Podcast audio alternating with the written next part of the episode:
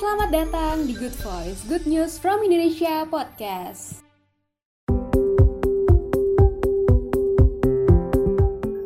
Hai kawan GNFI, kembali lagi di Good Voice. Good Voice kali ini akan membahas mengenai how to create powerful CV and cover letter for fresh graduates. Bersama teman diskusi kita Alfia Anjani.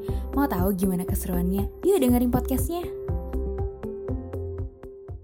Warahmatullahi wabarakatuh, kawan GNFI. Uh, apa kabar? Semoga dalam keadaan sehat. Balik lagi di kelas GNFI setiap Kamis, bareng sama aku, Delani Suara, selaku Public Relations dari Good News from Indonesia.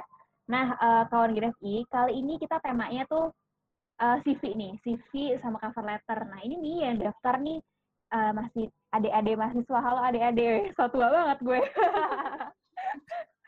uh, nah, uh, CV sama cover letter ini penting banget karena untuk apply kerja itu butuh uh, CV sama cover letter nih gitu. Aku pun merasakan hal tersebut gitu. Aku tuh lulus kuliah itu 2018 ya. Nah, terus hmm. aku juga masih dede ya ya. Agak beda tahun. ya, apa namanya untuk uh, apply kerja tuh emang kita butuh banget nih powerful CV sama cover letter tapi uh, instead of kita butuh cover apa namanya CV sama cover letter yang powerful, kita juga butuh pengalaman yang powerful. Nanti mungkin Kavia bisa singgung dikit pengalaman apa aja sebenarnya yang bisa ditaruh di CV dan sebagainya. Nah, boleh boleh. sumber kelas GNFI kali ini spesial, jauh LDR nggak di Indonesia, dari Manchester. Ayo, Glory, Glory Man United. 12 ribu kilometer ya kita bedanya. Nah, oke. Okay. Uh, eh, jadi hari ini kita udah kedatangan Kavia. Kavia saat ini lagi ngambil uh, postgraduate di Manchester University ya Kavia ya? ya? Betul, betul. Betul. Nah, jadi Kavia ini uh, salah satu kakakku juga di salah satu komunitas. Nanti bakal dipromosin di akhir, jadi stay tune sampai akhir ya.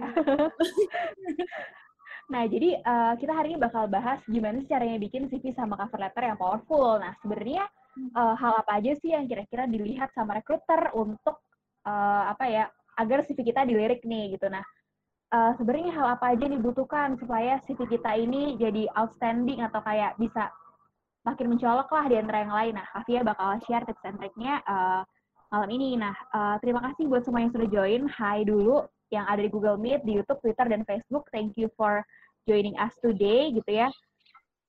Uh, Oke, okay. daripada lama-lama, langsung saja saya panggilkan ke Alfia Anjani dari Manchester jauh-jauh ya. Halo teman-teman semuanya, Assalamualaikum, uh, selamat malam. Ya, waktu di Jakarta berarti di jam 7 ya. Um, terima kasih teman-teman buat join yang ada di Google Meet, dan di YouTube, uh, juga ada di Facebook ya, Dela ya tadi ya, di Facebook Live juga. Um, sekarang atau hari ini aku mau coba share uh, tentang sebenarnya gimana sih CV dan cover letter yang powerful untuk fresh graduate. Sebenarnya sih uh, konten aku kali ini mungkin konten, bukan konten sih, maksudnya materi. konten tuh kesannya kayak Instagram artis Instagram aja tapi kayak si material ini uh, ini sebenarnya sih lebih umum ya. Jadi nggak terlalu uh, ke fresh graduate. Jadi kalau misalnya ada teman-teman yang bukan fresh graduate uh, mungkin bisa stay juga. Karena aku lebih uh, ininya helikopter view. Tapi nanti mungkin aku akan singgung-singgung sedikit uh, dengan kon dengan kayak contoh-contoh uh, yang lebih relate ke fresh grad kali ya. Jadi biar bisa ada apa namanya bisa ngebantu teman-teman yang fresh grad untuk uh, cari pekerjaan gitu. Nah, sebelumnya aku mau kenalan dulu nih. Jadi, uh, perkenalkan, namaku Alfia Anjani, biasanya dipanggilnya Via. Uh, aku kebetulan masuk psikologi UI itu di tahun 2010, uh, lulusnya di tahun 2014. Nah, uh, di 2014 sampai 2015, aku kebetulan memang ada gap year. Gap year itu yang tadi sempat disinggung sama Dela, gitu tuh aku sempat join di Abang Danone Jakarta. Jadi sama satu tahun aku menjabat di Abang Danone Jakarta, terus ya lumayan lah ada beberapa kegiatan di situ, jadi aku belum mulai kerja. Nah, akhirnya aku masuk kerja itu di tahun 2015, itu di EY Indonesia, salah satu consulting firm uh, di Jakarta. Terus aku stay di sana sampai tiga tahun, lalu aku uh, di apa ya di ya bukan pindahlah pindah ke Unilever itu di tahun 2018 terus di Unilever itu aku melakukan suatu project untuk perpindahan bisnis. Perpindahan bisnis namanya ke Upfield. Nah, Upfield ini salah satu uh, multinasional juga, FMCG. Mungkin produknya yang kamu tahu tuh Blue Band gitu. Kalau Blue Band kan kayak lumayan terkenal banget nggak sih? Kayak, ya, ya Blue Band lah sih. Blue Band gitu. Nah di saat terus abis itu aku tahun 2019 September aku berangkat ke Manchester ke UK untuk take uh, business psychology uh, di University of Manchester. Jadi memang so far tuh aku, aku suka banget sama hal-hal yang berbau people at work gitu. Jadi uh, performance di kantor, uh, karir, terus apa ya learning dan sebagainya itu aku tertarik banget gitu. Dan so aku juga ngambil ini. Nah uh, mungkin kalau boleh cerita dikit sebenarnya kayak kenapa sih gitu Kavia nih suka banget cuap-cuap tentang business psychology gitu. Karena sebenarnya aku tuh alhamdulillah bisa berangkat ke sini karena uh, beasiswa gitu beasiswa dari uh, uh, PDP dari ke Kementerian Keuangan. Nah uh, dengan beasiswa ini aku merasa aku tuh punya apa ya responsibility gitu loh Dela jadi kayak punya beban moral nih untuk bisa share ini gitu. Jadi makanya aku pun bergabung di Rumah Millennials uh, sebagai ketua bidang pengembangan karir dan talenta yang memang mungkin bisa aku bilang banyak aku pelajari di sini dan aku juga inisiator Career Date. Career Date ini apa? Career Date adalah suatu platform kali ya yang aku aku coba buat untuk bisa share hal-hal uh, yang terkait dengan people at work gitu jadi tentang rekrutmen atau tentang karir uh, tentang S2 tentang uh, kemarin kita juga tentang layoff. Nah, ini kita baru volume 3 sih. Nanti aku akan jelasin lagi kali ya ke depannya. Nanti di promo nah, di akhir ya, jangan ke mana-mana ya. Nah, terus uh, sama aku juga lagi mencoba untuk selalu share apa yang aku dapetin di kampus atau mungkin dari pengalaman aku uh, melalui Bear to Share Project. Ini sebenarnya my individual project sih gitu. Jadi aku kadang-kadang uh, suka tuh bikin konten atau kayak bikin uh, diskusi di Instagram aku uh, tentang business psychology. Jadi kayak tentang rekrutmen, tentang promotion, offering, nah, kenaikan salary dan lain-lain gitu. Jadi mungkin boleh di follow-follow kalau misalkan memang tertarik. Kalau enggak juga nggak apa-apa, mampir-mampir juga terserah aku, no pressure. Yang penting uh, ilmuku bisa kesebar aja gitu. Terus, um, nah untuk hari ini tentang how to create a powerful cover letter and CV, aku mau coba breakdown ke beberapa uh, apa ya, bukan topik sih, ke beberapa pembahasan. Jadi yang pertama aku mau coba jelasin tentang rekrutmennya dulu itu sendiri. Uh, rekrutmen tuh sebenarnya apa, kenapa, dan gimana. Terus lalu sebenarnya tuh si CV sama cover letter itu digunakannya di bagian mana si rekrutmen sih. Terus juga uh, sebenarnya bedanya CV sama cover letter apa, terus gimana kita bisa punya CV yang outstanding, sama nah ini sebenarnya apa sih pakemnya jadi banyak banget yang nanya nih kadang-kadang ke aku deh kayak uh, Via sebenarnya pakem bikin CV itu apa sih CV yang bagus tuh seperti apa sih gitu. Nah ini nanti aku mau coba untuk uh, share sebenarnya rules of writing CV and cover letter itu seperti apa. Dan di akhir aku mau adain giveaway. Nah giveaway ini aku uh, rencananya mau coba bantu teman-teman untuk bisa nge-review CV teman-teman. Tapi aku nggak bisa semuanya nih gitu. Jadi nanti ada beberapa yang bisa uh, mendapatkan kesempatan untuk aku review CV dan cover letternya. Nanti stay sampai akhir, aku akan jelasin gimana caranya. Oke. Okay. Ini aku langsung aja ya. Silakan ya. Nah, pertama, uh, sebenarnya rekrutmen tuh apa sih gitu kan? Mungkin banyak ya orang kayak iya nih uh, lagi rekrutmen proses gitu. Nah sebenarnya nah, sebenarnya rekrutmen itu apa? Nah ini sebenarnya aku coba untuk karena aku juga kemarin ada salah satu uh, modul juga namanya selection and assessment di kampus. Kita juga membahas tentang rekrutmen. Sebenarnya rekrutmen ini adalah salah satu kegiatan yang paling penting sebagai company gitu. Jadi ini tuh bukan cuman uh, penting untuk teman-teman semua yang mau mencari kerja, tapi itu juga penting buat company gitu. Jadi kita coba lihat dari sisi si company-nya ya.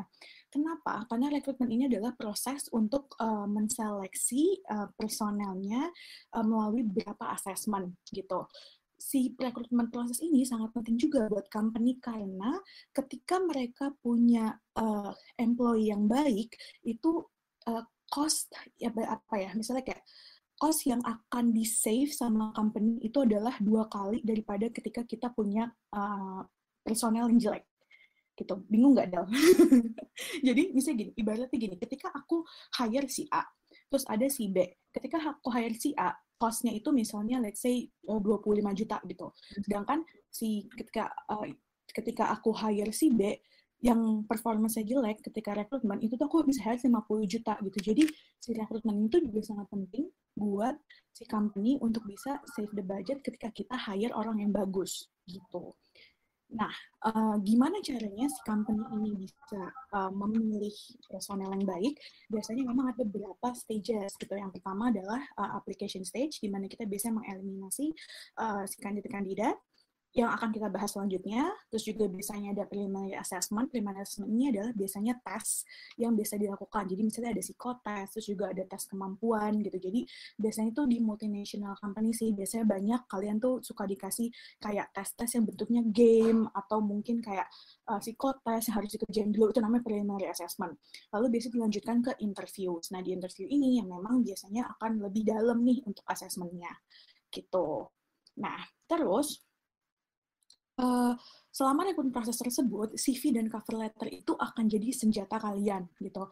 Kenapa? Karena itu tuh nggak cuman dipakai di application stage aja gitu. Jadi CV dan cover letter itu bukan cuman uh, digunakan ketika kita apply kerjaan doang, enggak gitu. Tapi ini tuh akan digunakan seluruh di keseluruhan uh, proses rekrutmen itu sendiri. Contohnya, misalnya ya di application stage, of course itu buat screen candidates gitu ya. Jadi ibaratnya ketika kita mau cari posisi untuk business development gitu, uh, terus ya kita akan cek dulu kira-kira relate sama business development tuh apa ya gitu. Uh, si uh, jurusannya misalnya. Atau mungkin misalnya yang spesifik deh misalnya aku mau ngomongin tentang uh, mau cari orang uh, yang untuk bekerja di pabrik gitu. Pasti kan kita prefernya untuk orang uh, untuk teman-teman yang lulusan engineer dong yang teknik gitu. Ketika misalnya teman-teman uh, bukan teknik, nah biasanya teman-teman akan dieliminasi di application stage ini gitu. Nah, terus lanjut, uh, si CV ini juga akan dipakai untuk preliminary assessment. Kenapa? Karena biasa di preliminary, preliminary assessment itu teman-teman akan dikasih technical test. Nah, technical test ini uh, itu yang biasanya di si recruiter akan melihat, oh kamu tuh jurusan apa sih gitu. Misalnya mau jadi auditor, oh ya udah berarti kamu jurusan accounting, jadi aku akan kasihnya tes accounting gitu. Atau mungkin kamu uh, jurusannya adalah jurusan misalnya uh, jurnalistik gitu. Terus uh, kamu mau jadi content writer. Oh, ya udah berarti nanti aku kasih uh, technical testnya adalah yang berkaitan sama penulisan uh, artikel gitu misalnya. Nah, di interviews ini juga akan dipakai CV dan cover letter. Makanya nanti aku coba jelasin ke di depan eh, setelah ini ya se uh, gimana cara uh, membuat CV dan cover letter yang bisa jadi senjata kalian karena si CV dan cover letter ini itu tuh akan jadi base interview discussions kalian sama nanti recruiter atau hiring manager. Gitu. Oke, okay. Kavia, okay. tadi ada yang kasih yeah. saran katanya uh, sedikit pelan-pelan bicaranya. Oh oke okay, oke, okay. sorry sorry sorry. oke, okay, kalau aku lebih pelan pelan lagi. aku deg-degan Soalnya bebannya berat sekali nih, gitu. Aku pengen banget semua. Oke okay, oke, okay. nanti kalau misalnya aku kecepatan lagi, tolong diingetin lagi ya. Iya kak. Oke. Okay. Nah, terus uh, sebenarnya bedanya uh, kurikulum vitae sama cover letter itu apa sih gitu. Nah, CV sama cover letter itu tuh sebenarnya ibarat apa ya? Hmm, ibarat sayur sop gitu kali ya, kayak ibarat sayur sop yang digabung tentang sama wortel gitu. Aduh, apa sih ini apa namanya contohnya sayur sop? Maksudnya adalah uh, ini adalah dua hal yang memang berbeda gitu. Si curriculum vitae dan cover letter ini itu bisa uh, membantu kalian dan juga membantu recruiter, membantu kalian dari sisi represent diri kalian dan uh, kalau dari recruiter membantu untuk mengenal kalian lebih jauh. Nah, kurikulum vitae, ini aku langsung masuk ya, CV, itu biasanya mencakup experience, personal information, uh, achievement, sama skills. Experience ini bisa apa pun. Jadi misalnya, uh, kalau mungkin fresh grad, misalnya pernah ikut BEM, pernah ikut kepanitiaan, pernah even bikin startup atau pernah jualan itu juga sebenarnya satu hal yang experience loh jadi maksudnya experience tuh is not only limited to your um, engagement to one organization. Jadi misalnya kalian memang tipe orang yang suka jualan kalian punya online shop uh, bilang aja gitu kalian tuh experience kalian adalah punya online shop gitu. Itu juga experience sebenarnya. Personal information ini tuh uh, berkaitan dengan kontak kalian atau misalnya kayak um, alamat, terus juga nomor telepon, terus juga misalnya um, apa namanya education gitu, jadi sekolah di mana dan lain-lain gitu. Nah nanti untuk personal information ini juga akan ada uh, triknya nih gitu, jadi uh, entah aku coba bahas lebih lanjut lagi ya terus sama uh, ya achievement dan skills. Nah, terus kalau cover letter itu isinya lebih ke penjelasan kamu tentang kamu sendiri, jadi eh, tentang kamu sendiri dan juga tujuan kamu untuk apply pekerjaan itu. Jadi ibaratnya nih di kurikulum vitae ini eh, di CV kamu kayak nih aku punya ini, sedangkan di cover letter aku tuh mau ini gitu. Di cover letter ini tuh sebenarnya ngebantu recruiter banget. Kalau dari sisi recruiter ya, itu tuh ngebantu banget untuk kita bisa tahu, oh sebenarnya kamu tuh mau, mau apply posisi apa sih? Terus kamu tuh mau apply posisi ini kenapa sih gitu? Atau mungkin aku boleh tahu nggak misalnya kayak ke depannya tuh kamu mau jadi apa. Jadi uh, ini yang aku bilang kamu juga bisa tambahkan career aspiration kamu karena di cover letter ini kamu tuh bisa cerita gitu. Aku tuh misalnya gini, oh, oke okay nih aku memang belum punya pengalaman. Aku pengen jadi misalnya um, head of uh, manufacturing gitu. Cerita kamu anak teknik nih. Nih aku ngambil contoh anak teknik ya. Terus kamu belum punya pengalaman di bekerja di manufacturing. That's okay gitu. Tapi kamu ceritain aja kalau kamu tuh rencananya pengen jadi head of manufacturing nih ke depannya gitu. Jadi kamu tuh bisa cerita bahwa walaupun kamu belum punya pekerjaan, tapi kamu willing to learn, kamu emang tertarik banget, jadi kamu tuh pengen apply si posisi misalnya uh, engineering assistant gitu. Jadi kamu tuh kasih tahu, oh aku tuh ke depannya pengen ini loh Pak, Bu, gitu. Jadi uh, uh, yuk bantu aku yuk gitu untuk bisa dapetin kerjaan ini, biar aku bisa mencapai uh, tujuan aku menjadi head of engineering itu, gitu. Mudah-mudahan aku bisa dapat dimengerti ya bahasanya. Karena kadang suka belibet. Nah, ngerti terus, ngerti. ya. Oke, nanti kalau misalnya enggak mungkin bisa ditanya di chat kali ya, Del. Nanti yep, bisa bantu yep. bisa tanyain. Nah, terus kalau kurikulum vitae ini tuh dia uh, memang lebih bentuknya adalah lebih pointer dan lebih compact gitu. Jadi bukan yang kayak cerita panjang gitu. Jadi memang lebih ke misalnya nanti aku juga akan tunjukin sih contohnya gimana ke depannya ya. Nanti mungkin aku akan jelasin uh, lebih detail nanti kali ya. Nah, terus kalau cover letter itu memang lebih wordy dan lebih ke paragraf lagi ibaratnya tuh namanya letter ya, jadi kan surat gitu. Jadi memang si cover letter ini tuh lebih uh, tipenya adalah kayak lebih kasih surat gitu sih sebenarnya. Jadi memang uh, paragraf kayak nanti ada salutationnya dulu kayak dear uh, madam sir dan lain-lain lain. Nanti aku juga akan contohin di uh, setelah ini. Nah, terus sebenarnya gimana sih gitu caranya kita Karena bisa punya ya? Mau gimana? Kan. Oh, kayaknya dia yang nggak Oke, okay. jadi sebenarnya gimana sih caranya kita bisa punya powerful weapon? Sebenarnya tuh ada lima gitu yang bisa kita lihat apakah uh, weapons kita ini cukup powerful atau enggak. Yang pertama adalah authentic dan original. CCV dan cover letter ini harus membantu kalian itu untuk bisa stand out di antara kandidat lainnya. Kenapa? Karena namanya ini aku share pengalaman sebagai recruiter ya. Aku kayak mungkin di satu posisi itu bukan cuma satu atau dua yang apply ke posisi tersebut, tapi aku bisa bilang bahwa kayak bisa sampai ratusan gitu kadang-kadang, apalagi untuk posisi graduate gitu. Jadi uh, make sure uh, memang kamu tuh punya suatu hal yang bisa dijual.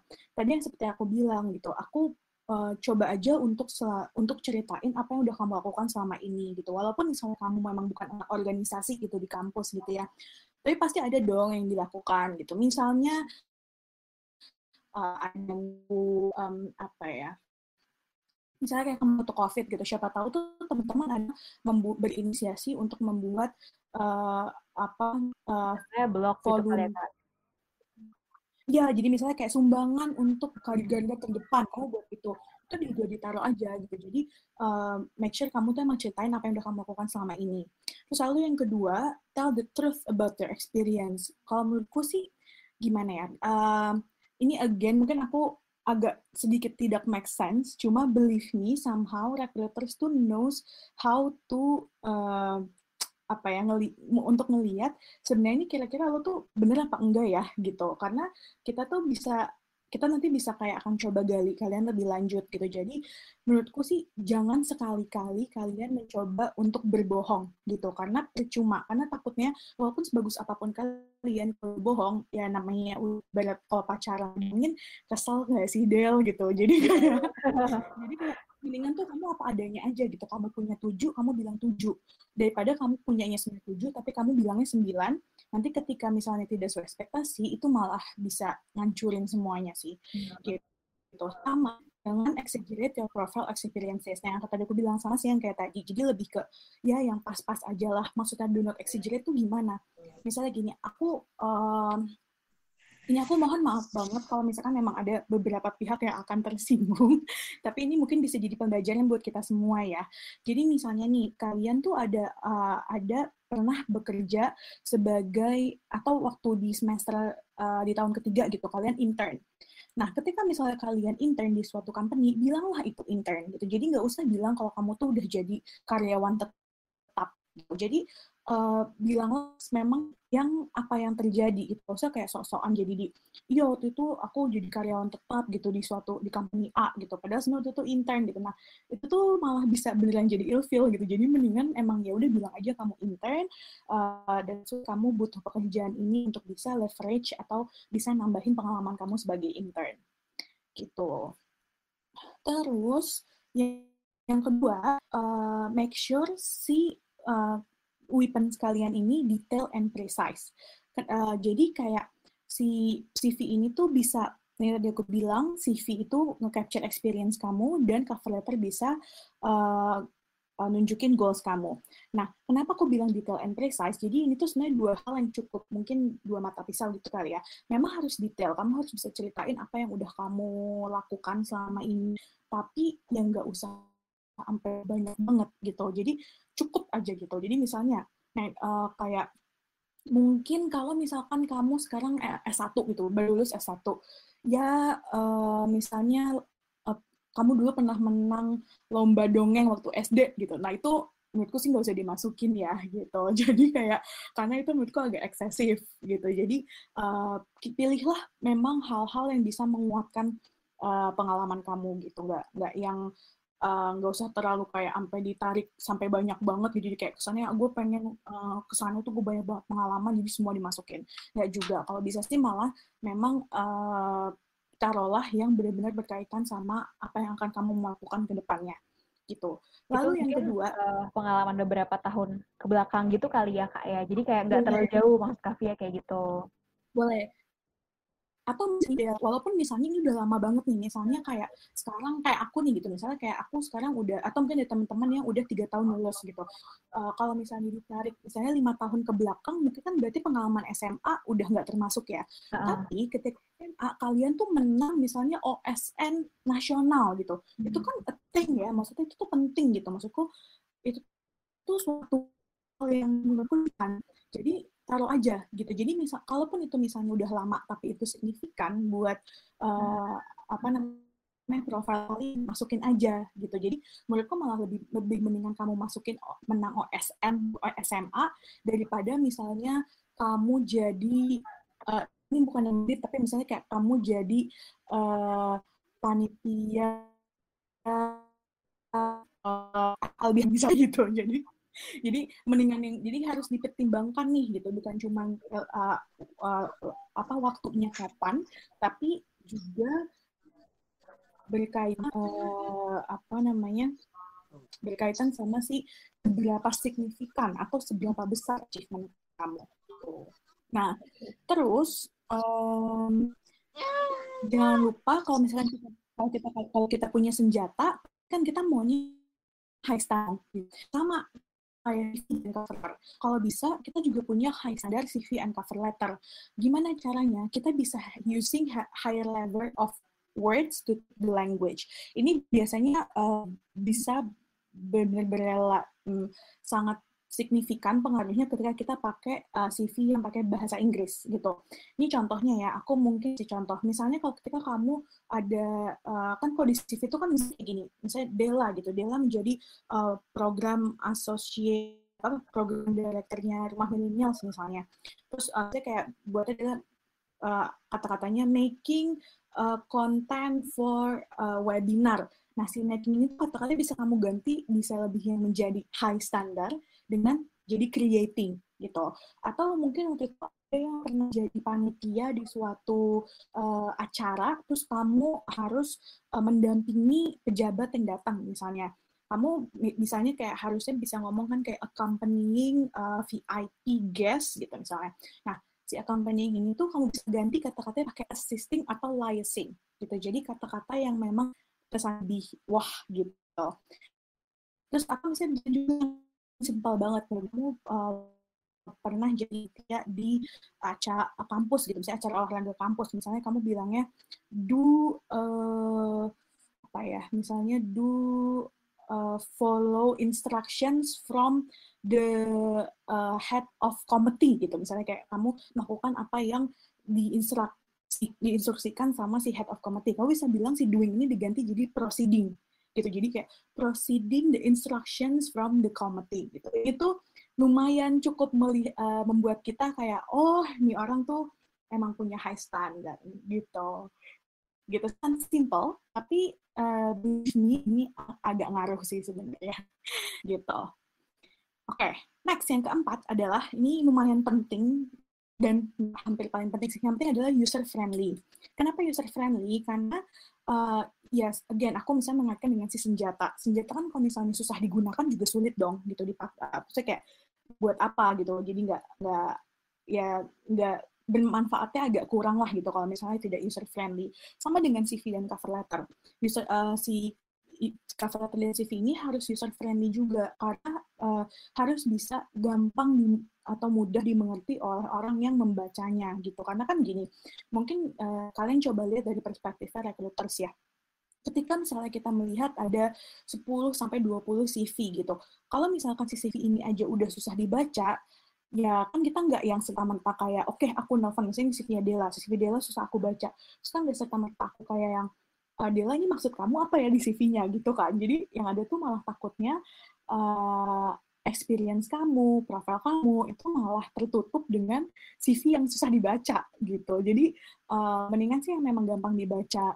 Nah, gimana biar gampang dibaca? Uh, aku sih kalau bisa menyarankan untuk uh, menghindari misalnya gambar-gambar terlalu berlebihan.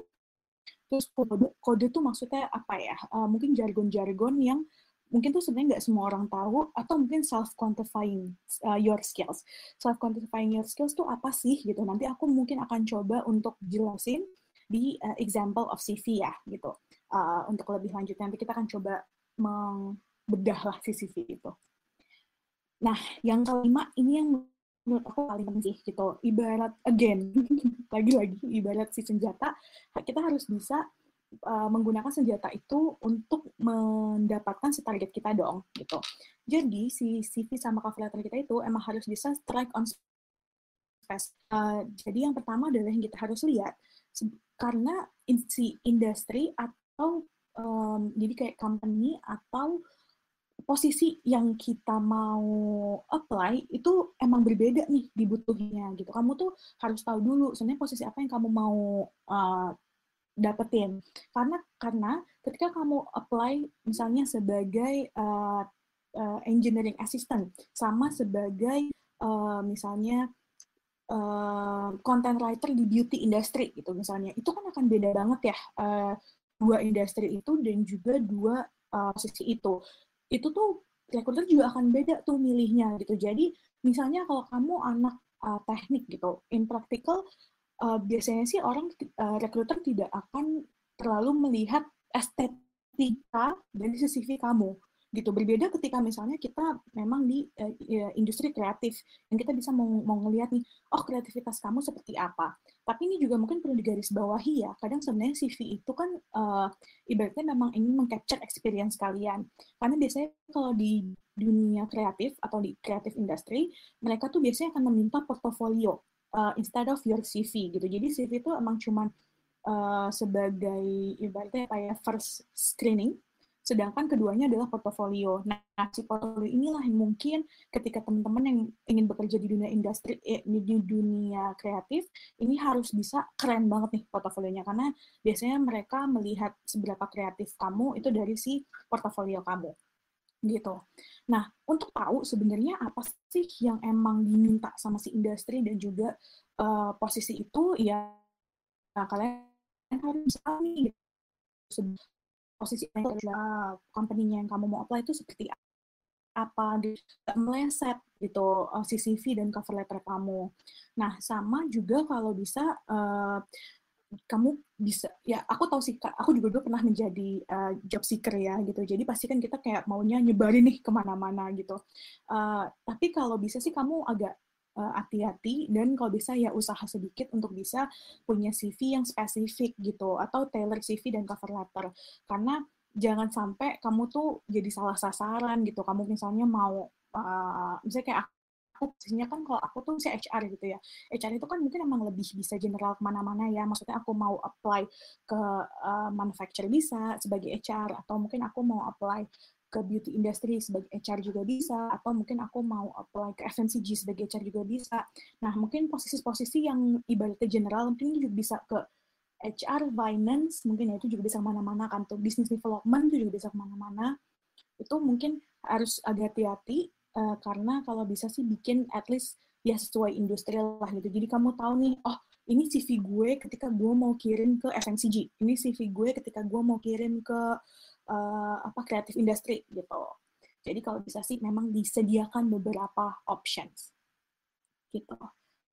Oke lanjut ya Del? Lanjut lanjut kak Nah, terus sebenarnya apa sih pakemnya CV itu? Nah, ini aku agak lumayan gede dan bold. Jadi sebenarnya gak ada yang namanya aturan untuk membuat CV atau cover letter. Kayak literally gak ada. Tapi yang penting adalah uh, good CV itu CV CV yang baik ketika itu bisa mengcapture diri kalian, merepresentasikan diri kalian gitu uh, mungkin bisa diingat CV atau cover letter itu uh, kayak foto gitu ya. Ketika si foto itu semakin jelas, berarti kan kita semakin bisa tahu dong orang seperti apa gitu. Jadi misalnya nih kayak aku belum kenal Dela gitu. Ketika aku belum kenal Dela, aku pasti mau minta foto Dela yang jelas dong kayak oh ini Dela, oh Dela mukanya seperti ini, oh hidungnya seperti ini, mulutnya seperti ini. Jadi ketika aku ketemu sama Dela nantinya, aku udah tahu oh Dela tuh yang ini gitu. Jadi menurutku tuh uh, CV dan cover letter ini dibuatlah sejelas mungkin, se uh, uh, kayak apa? Tulisannya mau seperti apa? Itu sebenarnya nggak ada pakemnya. Gimana maksudnya nggak ada nggak ada pakemnya gitu nggak ada tuh. Even aku di kelas pun nggak ada teori misalnya kayak CV yang baik itu nggak ada sama sekali gitu. Tapi yang penting adalah memang kita bisa melihat kamu seperti apa dan uh, uh, jelas gitu jelas jelas dan mudah dibaca untuk bisa merepresentasikan kamu. Nah terus aku mungkin mau lanjut uh, ke contoh ya. Jadi kita coba uh, membedah nih contoh-contoh si cover letter sama CV. Untuk cover letter ini aku uh, nyomot dari Google. Uh, ini uh, si cover letternya namanya Mbak Rachel Adams. Nah, Mbak Rachel ini menurutku adalah salah satu uh, contoh cover letter yang cukup banyak bisa dicontoh atau bisa di uh, jadi referensi kamu gitu ya untuk membuat cover letter. Jadi kalau kita lihat di atas, cover letter ini itu ngasih personal information. Personal informationnya apa sih? Nama, alamat, email. That's it. Biasanya sih cukup tiga itu aja. Nggak usah, menurutku sih nggak perlu ya untuk taruh misalnya di cover letter itu ataupun di CV misalnya hobi, gender, umur. Menurutku sih itu nggak nggak uh, it doesn't matter gitu ya. Jadi kayak uh, menurutku sih nggak usah gitu. Personal information itu yang penting tiga alamat, alamat telepon email. Jadi ibaratnya gimana kita bisa hubungin kalian gitu. Terus sama di cover letter biasanya kita emang addressing nih si uh, perusahaan yang kamu mau apply gitu. Jadi contohnya si Mbak Rachel ini bilangnya mau ke Transforce Inc gitu. Nah si Transforce Inc ini uh, atau company ini perlu di stated. Nah please banget banget banget banget aku mohon kamu double check untuk ketika kamu bikin cover letter. Uh, please double check ketika kamu mau kirim email ke uh, company atau ke recruiter bahwa kamu nyebutin yang sama. Misalnya aku di Unilever gitu misalnya. Nah, uh, kamu tuh make sure bahwa kamu nulis di cover letternya itu Unilever gitu. Jangan malah FMCG lain gitu. Karena dulu tuh waktu aku di consulting firm, karena kan mungkin consulting firm hampir sama ya. Misalnya kayak ada teman-teman accounting yang mau daftar jadi auditor gitu. Ya, as we know gitu, auditor kan banyak nih uh, uh, public accountant ya. Ada yang dua huruf, ada yang tiga huruf, ada yang empat huruf, ada yang berapa huruf, delapan huruf gitu. Nah, mungkin anak accounting mungkin akan dengar maksudku apa.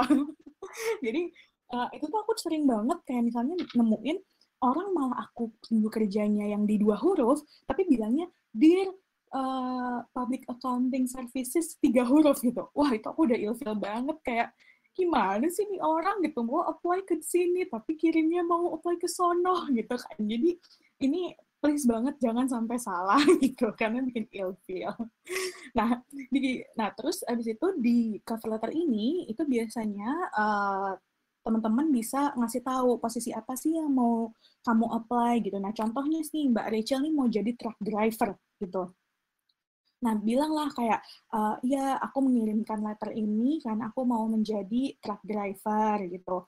Bisa juga dikasih tahu kenapa uh, mau jadi truck driver ini. Oh, karena aku tuh pengen banget uh, nge-discover uh, apa menemukan uh, mendapatkan pengalaman-pengalaman yang berkaitan sama uh, menyetir uh, truk ini gitu. Jadi kasih tahu lah kenapa memang kamu pengen apply ke posisi ini. Jadi kita tuh bisa tahu motivasi kamu untuk apply ke posisi ini. Nah di cover letter kamu juga bisa bilang bahwa uh, background kamu apa, experience kamu apa gitu. Jadi misalnya kamu mau jadi truck driver gitu, ya kamu bisa bilang aku lulusan S1 penyetiran gitu, penyetir penyetiran truk gitu, dan aku punya pengalaman waktu itu magang menjadi truck driver gitu misalnya. Nah itu kamu tuh kasih tahu gitu kan itu kan jadi nilai plus buat kita oh ternyata anak itu udah punya exposure di sini gitu. Dan mungkin malah bisa jadi nilai plus untuk uh, bisa kita memilih kamu gitu. Dan yang tadi aku bilang uh, setelah itu setelah kamu ceritain tentang background sama experience kamu kamu juga, kamu juga bisa ceritain kalau misalkan kamu dapetin si posisi truck driver ini, kamu tuh mau jadi apa sih ke depannya gitu? Karena sebenarnya company itu would be very happy ketika memang kita punya karyawan yang visioner gitu. Jadi tahu kamu tuh kamu tuh mau ngapain gitu. Sama biasanya di akhir-akhir itu kamu kasih tahu, oke okay, itu adalah cerita aku. Uh, makasih udah ngeliat atau udah ngebaca uh, kalau misalkan memang aku ada kesempatan, boleh aku dikontak ke kasih ke email kamu sama kasih nomor kamu gitu. Terus kamu bisa bilang, kamu bisa aku bisa dikontak misalnya kapan aja gitu karena kan mungkin namanya fresh grad ya jadi belum punya kerjaan jadi bisa kapan aja aku akan angkat telepon gitu. Atau mungkin misalnya kalau ada yang udah kerja aku bisa bilang uh, atau enggak ya udah atau enggak I prefer atau aku prefernya di email nih karena biasanya weekdays aku kerja gitu.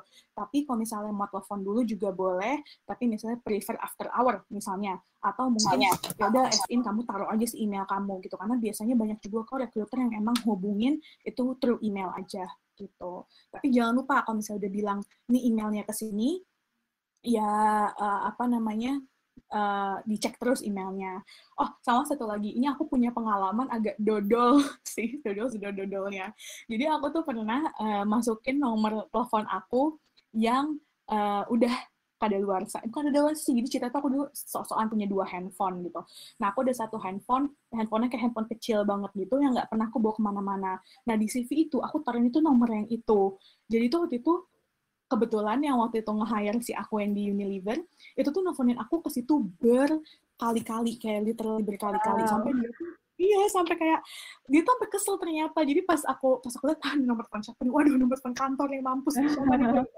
Kayaknya tadi bilang di email kayak nah, bilang aku di email kayak halo Alvia aku coba uh, untuk uh, telepon kamu beberapa kali tapi nggak bisa aku langsung aduh aku telepon balikan itu kayak mbak sorry banget aku ini nah itu pengalaman aku yang perlu dipelajari sama teman-teman ya please jangan banget jangan banget lakukan kayak gitu atau misalnya nomor telepon kamu kurang angka itu juga penting banget tuh gitu. Jadi jangan sampai kamu cek lagi deh gitu. Jangan sampai ketika misalnya si karyawan nelfon, pas nelfon nomor yang ada tujuh salah. Wah itu juga udah kayak ya susah nih gimana nih gitu. Jadi kalau bisa sih hal-hal kayak gitu diminimalisir ya gitu. Jadi kalau misalnya aku boleh ceritain pengalaman aku, aku salah naruh nomor telepon itu, sampai pas aku udah ke hire, si rekruternya kan akhirnya ke kan. Si uh. rekruter tuh bikin ngomel-ngomel gitu, Del. Kayak, gimana sih tinggal dulu gitu. Udah tahu sama-sama rekruter, malah salah masukin nomor telepon gitu. Kayak, ya, ya ampun, ampun, ampun, Mbak. Gitu. gitu. Jadi, jangan lupa untuk taruh kontak information yang memang uh, updated gitu. Oke, lanjut. Nah, sekarang aku mau coba untuk jelasin uh, si CV gitu. Ini adalah contoh CV-CV yang mungkin bisa kalian jadi referensi uh, yang lumayan common dan mudah dibaca uh, oleh recruiters gitu. Ini ada contohnya adalah punyanya Mas, Mas Tyler, punyanya Mbak Nadia, sama Mbak Natali Meyers. Nah, uh, yang tadi aku bilang, jadi CV itu memang bentuknya sih preferably adalah pointer gitu. Pointer yang uh, ngejelasin sedikit-sedikit tentang gambaran uh, experiences kamu sama mungkin ya experience sama skills atau uh, education kamu gitu. Uh, mungkin bisa dibayangin kayak gini, ketika misalnya kalian tuh uh, mau buat presentasi gitu. Jadi gini, aku sih kadang, ini tips dari aku, kadang aku kalau mau buat CV, aku tuh buatnya di PowerPoint dulu gitu. Jadi aku buat di PowerPoint, bikin satu slide satu experience kamu. Jadi misalnya satu slide ketika aku jadi BEM, satu slide lagi ketika aku jadi panitia dana usaha ya walaupun sebenarnya cuman waktu itu adalah jualan risol ya, risol mungkin nggak tahu nih aku kalau ada dana UI tahu kan bisa jualan kanisa. Nama itu jadi kayak satu box gitu. Walaupun kayak gitu nggak apa-apa taruh aja. Nah tadi yang aku bilang paling nanti kita bisa tweak dengan cara kita pakai bahasa yang bagus sama kita kasih tahu pencapaian kita berapa uh, dengan penjualan danus si kue-kue kanisa itu gitu. Jadi aku bisa buatnya di uh, PowerPoint PowerPoint dulu, nanti baru aku pindahin ke Word gitu. Jadi sebenarnya sih PowerPoint itu lebih ngebantu aku buat bikin pointer gitu. Jadi bentuknya tuh emang pointing point pointed gitu. Nah satu lagi mungkin bisa dibayangkan kayak uh, ibaratnya kamu mau presentasi gitu ya. Jadi ya kamu tuh ibaratnya satu satu line tuh nanti bisa kamu kembangkan lagi. Kapan kembangkan ya? Ketika kamu interview gitu. Jadi si pointer ini tuh ibaratnya bisa digunakan ketika kamu interview. Nah, uh, biasanya tuh ada yang suka nanya juga ke aku, uh, Via sebenarnya kalau uh, susunannya tuh seperti apa sih? Gitu. Susunannya tuh uh, bagusnya apa dulu? Experience dulu kah? Pengalaman, uh, pengalaman apa? Skills dulu kah? Atau mungkin kontak information dulu kah? Gitu. Sebenarnya sih again, ini nggak ada pakemnya tapi kalau boleh aku saranin, uh, kalian coba lihat dari perspektif si recruiter lagi. Ketika kita melihat suatu CV atau suatu dokumen, pasti kan kita lihatnya dari atas dulu dong. gitu. Nah, ketika kita lihat dari atas, taruhlah apa pun itu yang menurut kamu penting, itu di bagian atas dulu. gitu. Jadi misalnya, kalau sebagai fresh grad, aku sih menyarankan untuk yang pertama pasti itu adalah nama, dan personal uh, information ya. Jadi si nama, uh, alamat, uh, nomor telepon dan email biasanya. Nah, lalu yang kedua, um, aku sih dari point in my point of view sebagai fresh grad pasti yang paling diutamakan adalah pengalaman kamu atau uh, bukan pengalaman sorry uh, background educational background kamu gitu karena kan itu ibaratnya yang baru banget kita raih ya gitu yang baru banget kita dapetin nih wih baru wisuda nih gitu jadi kalau menurutku sih uh, di level fresh grad itu akan lebih baik ketika kamu taruhnya adalah uh, education dulu gitu. Jadi contohnya nih kayak si hmm, Mbak Nadia nih, Mbak Nadia contohnya nih. Kayak jadi dia taruhnya education dulu gitu. Jadi taruh aja uh, uh, si uh, kamu kuliah di mana, GPA-nya berapa, terus uh, misalnya ada penjurusan yang penjurusan apa, terus mungkin juga bisa bisa kalau misalkan kamu mau uh, taruh misalnya judul tesis kamu juga boleh kalau misalkan kamu mau gitu ya. Kalau enggak juga nggak apa-apa sih biasanya kita nggak terlalu ya bisa juga sih sebenarnya ditaruh. Kadang biasanya suka jadi bahan omongan aja sih, bukan bahan omongan kayak bahan obrolan gitu. Jadi kadang uh, biasanya gini apalagi konsep oh mungkin catatan kalau misalnya teman-teman tesisnya cukup berbeda gitu. Jadi misalnya nih, aku anak teknik, atau mungkin aku anak, uh, ya misalnya aku anak accounting gitu. Tapi ketika aku anak accounting, tapi aku tesisnya itu berkaitan dengan paradigma uh, uh, apa aspek psikologi dari uh, accounting ini misalnya gitu. Jadi suatu hal yang cukup berbeda. Itu tuh menurut aku menarik banget. Kenapa? Karena itu tuh nunjukin bahwa kamu tuh open gitu, open untuk bisa belajar hal yang bukan berkaitan sama uh, major kamu gitu. Jadi uh, boleh aja dimasukin gitu. Kalau apalagi kalau misalnya kamu punya si skripsi kamu tuh punya cerita yang menarik yang bisa dijual, misalnya kayak lo tau gak gue tuh skripsi uh, setahun gitu. Misalnya, misalnya biasanya ada nih yang skripsinya molor nih gitu. Tapi sebenarnya molornya bukan karena males gitu, tapi misalnya ada kesandung beberapa apa ya namanya beberapa hambatan gitu. Itu juga sebenarnya nggak apa-apa juga sih kamu ceritain gitu karena itu juga mungkin bisa jadi salah satu uh, poin plus kamu loh gitu bahwa kamu tuh resilient dan terus mencoba untuk melakukan itu. Gitu. Nanti bisa okay. baru ke experience terus baru mungkin ditambahin si volunteer ex volunteernya. Nah, Kavia, gitu.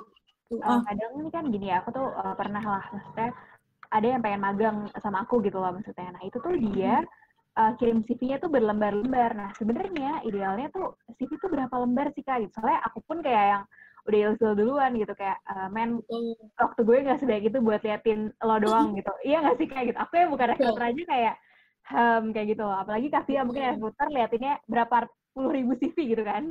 Iya banget banget. Benar-benar ini a good question banget Bel jadi kalau menurutku sih dua dua uh, eh, CV itu udah cukup banget nget nget nget. Even menurutku kalau fresh grad itu satu juga enough sih, satu tuh juga cukup. Ini tuh kayak contoh CV-nya Mbak Nadia gitu ya. Kita tuh kadang juga harus hati-hati tuh pemilihan font sama pemilihan apa namanya spacing line ya. Aku lupa. Pokoknya kayak aku tuh kebayang kalau bisa di Word pokoknya yeah. biar gitu dia rapat-rapat gitu. Uh. kita tuh nggak perlu kayak font yang gede-gede menurutku nggak nggak perlu sih. Ini tuh punya si Mbak Nadia nih sama Mas Tyler. Ya tiga ini sih aku udah yang paling cocok sih gitu yang paling menurutku paling memudahkan kita untuk ngebaca. Karena dia cuma ini cuma satu page uh, terus compact dan menurutku cukup jelas gitu. Ketika dia di pengalaman A dia jelasin dia ngapain aja di pengalaman B dia jelasin ngapain aja gitu. Uh, again untuk jawab pertanyaan Bella menurutku sih 1 sampai dua itu cukup banget gitu. Even malah menurutku aku juga sering lihat beberapa CV even director-director yang udah 15 tahun kerja itu paling mereka cuma tiga tiga lembar kali gitu. Ya mungkin coba bisa difikirkan aja gitu ya. Masa yang udah 15-20 tahun kerja tiga lembar kita mau 10 lembar gitu yeah, kan. yeah, jadi bener -bener. Uh, jadi makanya tadi poin aku detail and precise gitu. Jadi uh, oke okay, kita harus detail tapi harus precise juga itu jangan terlalu berlebihan. Gitu. Gitu sih Del. Nah, uh, ini nih kak. Kan ini mumpung kita lagi bahas CV yang kira-kira uh, hmm. maksudnya contoh yang oke okay nih kayak gini nih kira-kira. Nah sebenarnya hmm kalau teman-teman bukan berasal dari top 10 uh, universities, tapi dia punya pengalaman kerja atau pengalaman internnya banyak, better yang ditaruh di atas tuh working experience dulu apa educationnya dulu nih kak?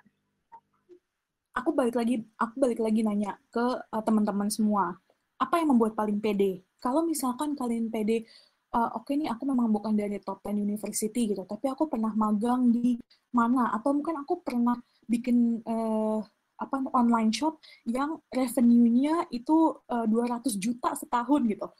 Menurutku sih taruh aja yang paling isi experience kamu di atas gitu. Jadi kenapa? Karena kan memang yang tadi aku bilang ya sebagai uh, dari point of view-nya si recruiter, ketika kita baca, asli kita bacanya dari atas nih.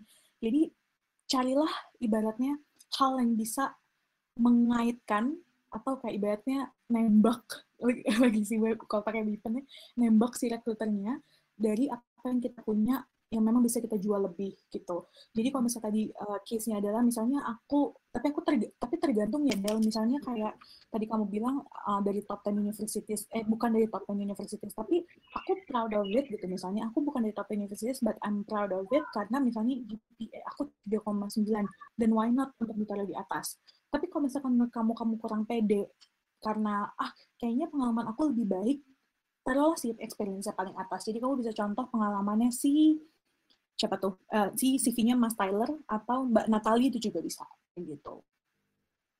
Oke. Okay. Itu dia semoga menjawab ya. Jawab menjawab kak. Oke. Okay. Next dulu nih kak. Next dulu ya. Oke. Okay. Nah terus uh, uh, aku juga mau coba uh, jelasin tentang itu kurang efektif dan sayangnya tidak merepresentasi ketika kandidat gitu. Ini contohnya adalah aku nggak nyiin namanya sih, dia harus namanya. Ah, ada namanya dia nggak tapi ini aku juga ambil dari Google sih. Jadi kamu bisa cek-cek gitu. Ini aku mau coba jel, jelasin lebih lanjut kenapa sih dua CV ini tuh sebenarnya ya bisa dibilang kurang baik gitu ya. Karena yang pertama nih, uh, kita lihat dari si yang abu-abu dulu gitu. Oke, okay, dia memang mau jadi graphic designer atau dia mau jadi fotografer. Aku tahu dan paham uh, itu memang kreatif industri gitu. Mungkin memang butuh hal-hal yang berbau figures atau hal-hal yang berbau desain gitu. Tapi ketika aku baca ini, sejujurnya aku tuh nggak paham gitu maksudnya apa. Yang pertama, dia oke okay lah dia masukin uh, pengalaman dia di pointer-pointer kan. Dia jadi design inspiration, terus sekolahnya dia, high school, terus apa ya itu aku baca university-nya, oh tuh kuliahnya maksudnya. Tapi apa gitu, ini kan nggak jelas gitu ya. Even malah dia taruh tuh join your team gitu. Waduh, pede banget gitu dia langsung join the team gitu. Ini tuh menurutku agak kurang ditaruh untuk ngeceritain si experience kamu. Nah, terus sama yang satu lagi, ini tuh aku sering banget ngelihat ini, uh, kalau kamu lihat yang si My Skills, terus ada web. Webnya itu ada 8 titik, 8 dots, dan uh, dia bilang web itu 7 dari 8. Print, 4 dari 8 gitu. Ini tuh aku sering, aku entah kenapa lagi sering banget ngeliatin si uh, CV-CV yang ada si figures figures ini nih kayak pakai dot dot atau pakai bar gitu jadi misalnya kayak uh, pakai pie chart eh, bukan pie chart sih pakai bar ya yang benar grafik yeah, yeah. jadi kayak misalnya uh, ke apa skills untuk web design ya 10 eh 9 dari 10 skills untuk uh, business development 3 dari 10 misalnya gitu. Nah, kenapa aku bilang ini kurang efektif? Karena gini, kita nggak tahu nih sebenarnya ukurannya dari mana sih gitu. Ukuran 9 kayak misalnya si Mas Abu-Abu ini uh, dia bilang web 7 ukurannya 7 itu dari mana? Ukuran 8 tuh apa? gitu. Jadi uh, quantify-nya tuh nggak jelas gitu. Berbeda ketika misalnya kamu mau bilang English requirement kamu baik gitu. Terus kamu punya TOEFL score atau IELTS score. Nah, itu boleh, Mas masukin aku kan bisa sembilan uh, apa namanya si angkanya gitu ya udah bisa kamu bilang IELTS-nya uh, IELTS-nya 7.5 uh, dari 9. Nah, itu baru oke okay, gitu karena standarnya tuh sama semua orang.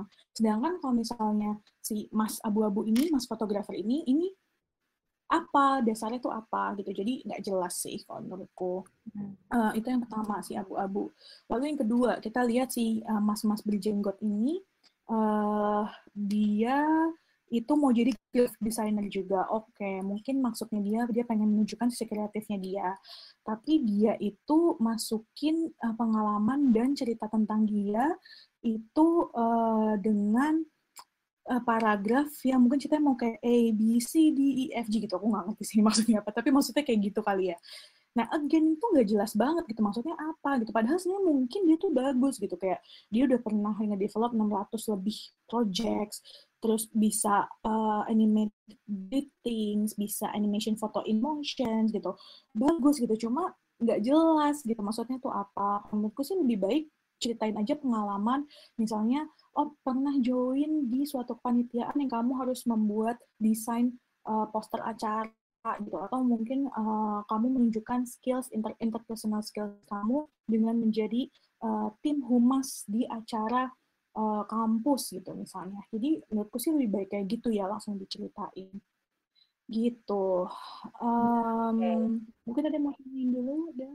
Oke, okay, uh, kalau misalnya kayak gini ya kak, misalnya kan tadi kalau misalnya teman-teman bisa uh, bayangin CV yang ini sama CV sebelumnya, ini kan uh, CV-nya nggak pointer-pointer ya gitu. Aku pun kayak uh, mungkin as uh, user atau calon atasannya si yang bakal masuk ini gitu ya, bakal kayak sebenarnya lo jelasin apa sih gitu. Nah, CV ini menurutku adalah sangat representatif bagaimana mungkin satu cara dia bekerja, cara dia menjelaskan hal baru ke orang lain karena mungkin kita akan berhadapan sama klien, sama orang-orang uh, baru gitu ya. Jadi kalau misalnya di CV aja kita nggak bisa jelasin diri kita dengan baik, gimana kita mau jelasin proyek kita nanti. Mungkin itu sih yang harus dipikirkan jangka jauhnya. Iya nggak sih, Kavia? Yes. Good point, good point banget, Del. Benar. Jadi, karena ibaratnya kan nanti juga ketika kita di kantor gitu, atau mungkin ketika kita bekerja, pasti kan akan banyak hal-hal yang berkaitan sama presentasi, atau mungkin uh, menulis gitu ya. Uh, itu kan menunjukkan si, si ibaratnya pola pikir kita gitu, atau uh, logic logical thinking kita, gimana kita menyampaikan suatu hal. Nah, uh, ya tadi ini tuh malah jadi bisa merepresentasikan bahwa mungkin malah kamu kurang baik nih logical thinkingnya gitu. Karena ibaratnya merepresentasikan diri kamu aja belum bisa dengan baik gitu. Gimana kamu harus merepresentasikan kantor misalnya gitu. Gitu sih. Oke, nah kalau uh, kayak gini nih kak. Misalnya um, kalau zaman sekarang kan startup banyak ya kak. Mungkin beda sama dulu gitu ya. Kalau mungkin uh, di beberapa tahun lalu gitu ya anak organisasi tuh kayak wih gila dewa banget. Nah kalau sekarang lebih keren mana sih kak? Gitu misalnya uh, organisasi atau mereka yang lebih punya pengalaman intern lebih banyak gitu loh kak. Recruiter tuh lebih hmm. naksir sama yang mana sih kak? Gitu kalau untuk fresh graduate nih ya. Hmm untuk fresh grad um, it's a tough question Del sebenarnya Del. Uh, cuma menurutku again mana yang paling signifikan gitu. Hmm. uh, aku ngeliatnya mana yang paling signifikan dengan kerjaan yang mau kamu pilih. Misalnya aku kasih contoh aja kali ya. Misalnya ketika kamu uh, adalah seorang uh, misalnya gini, aku mungkin mau kasih contoh agak ekstrim. Misalnya kamu adalah lulusan matematika, gitu misalnya. Misalnya anak MIPA nih. Nah, terus uh, anak uh, lulusan kamu sebagai lulusan matematika, kamu tuh malah pengen jadi misalnya jadi konsultan gitu, uh, jadi konsultan. Nah, kamu tuh bisa sebenarnya menurutku tuh bisa coba dicari atau bisa coba uh, menunjukkan pengalaman yang berkaitan sama si posisi yang kamu mau apply. Gitu. Misalnya kamu tahu bahwa oh aku tuh memang lulusan matematika tapi aku tuh dulu pernah intern misalnya di salah satu uh, consulting startup gitu. Jadi kayak uh, suatu uh, beauty consultant gitu. Ya kamu taruhnya itu gitu instead of si organisasi yang kamu punya. Atau bisa juga kayak misalnya kamu memang anak um, atau mungkin deh gini misalnya aku anak psikologi gitu, tapi aku aku tuh sebenarnya sukanya di PR gitu di public relation nah uh, jadi ketika aku di public eh, ketika aku pengen jadi public relation makanya aku tuh waktu organisasi aku tuh sering banget jadi panitia jadi tim humas gitu nah itu tuh bisa kamu kedepanin juga gitu. Jadi kalau menurutku sih gini, dari sisi rekruter, ketika kamu misalnya adalah bertanya dari sisi rekruter sebenarnya yang mana sih yang bisa dilihat? Aku akan selalu melihat relevansinya gitu.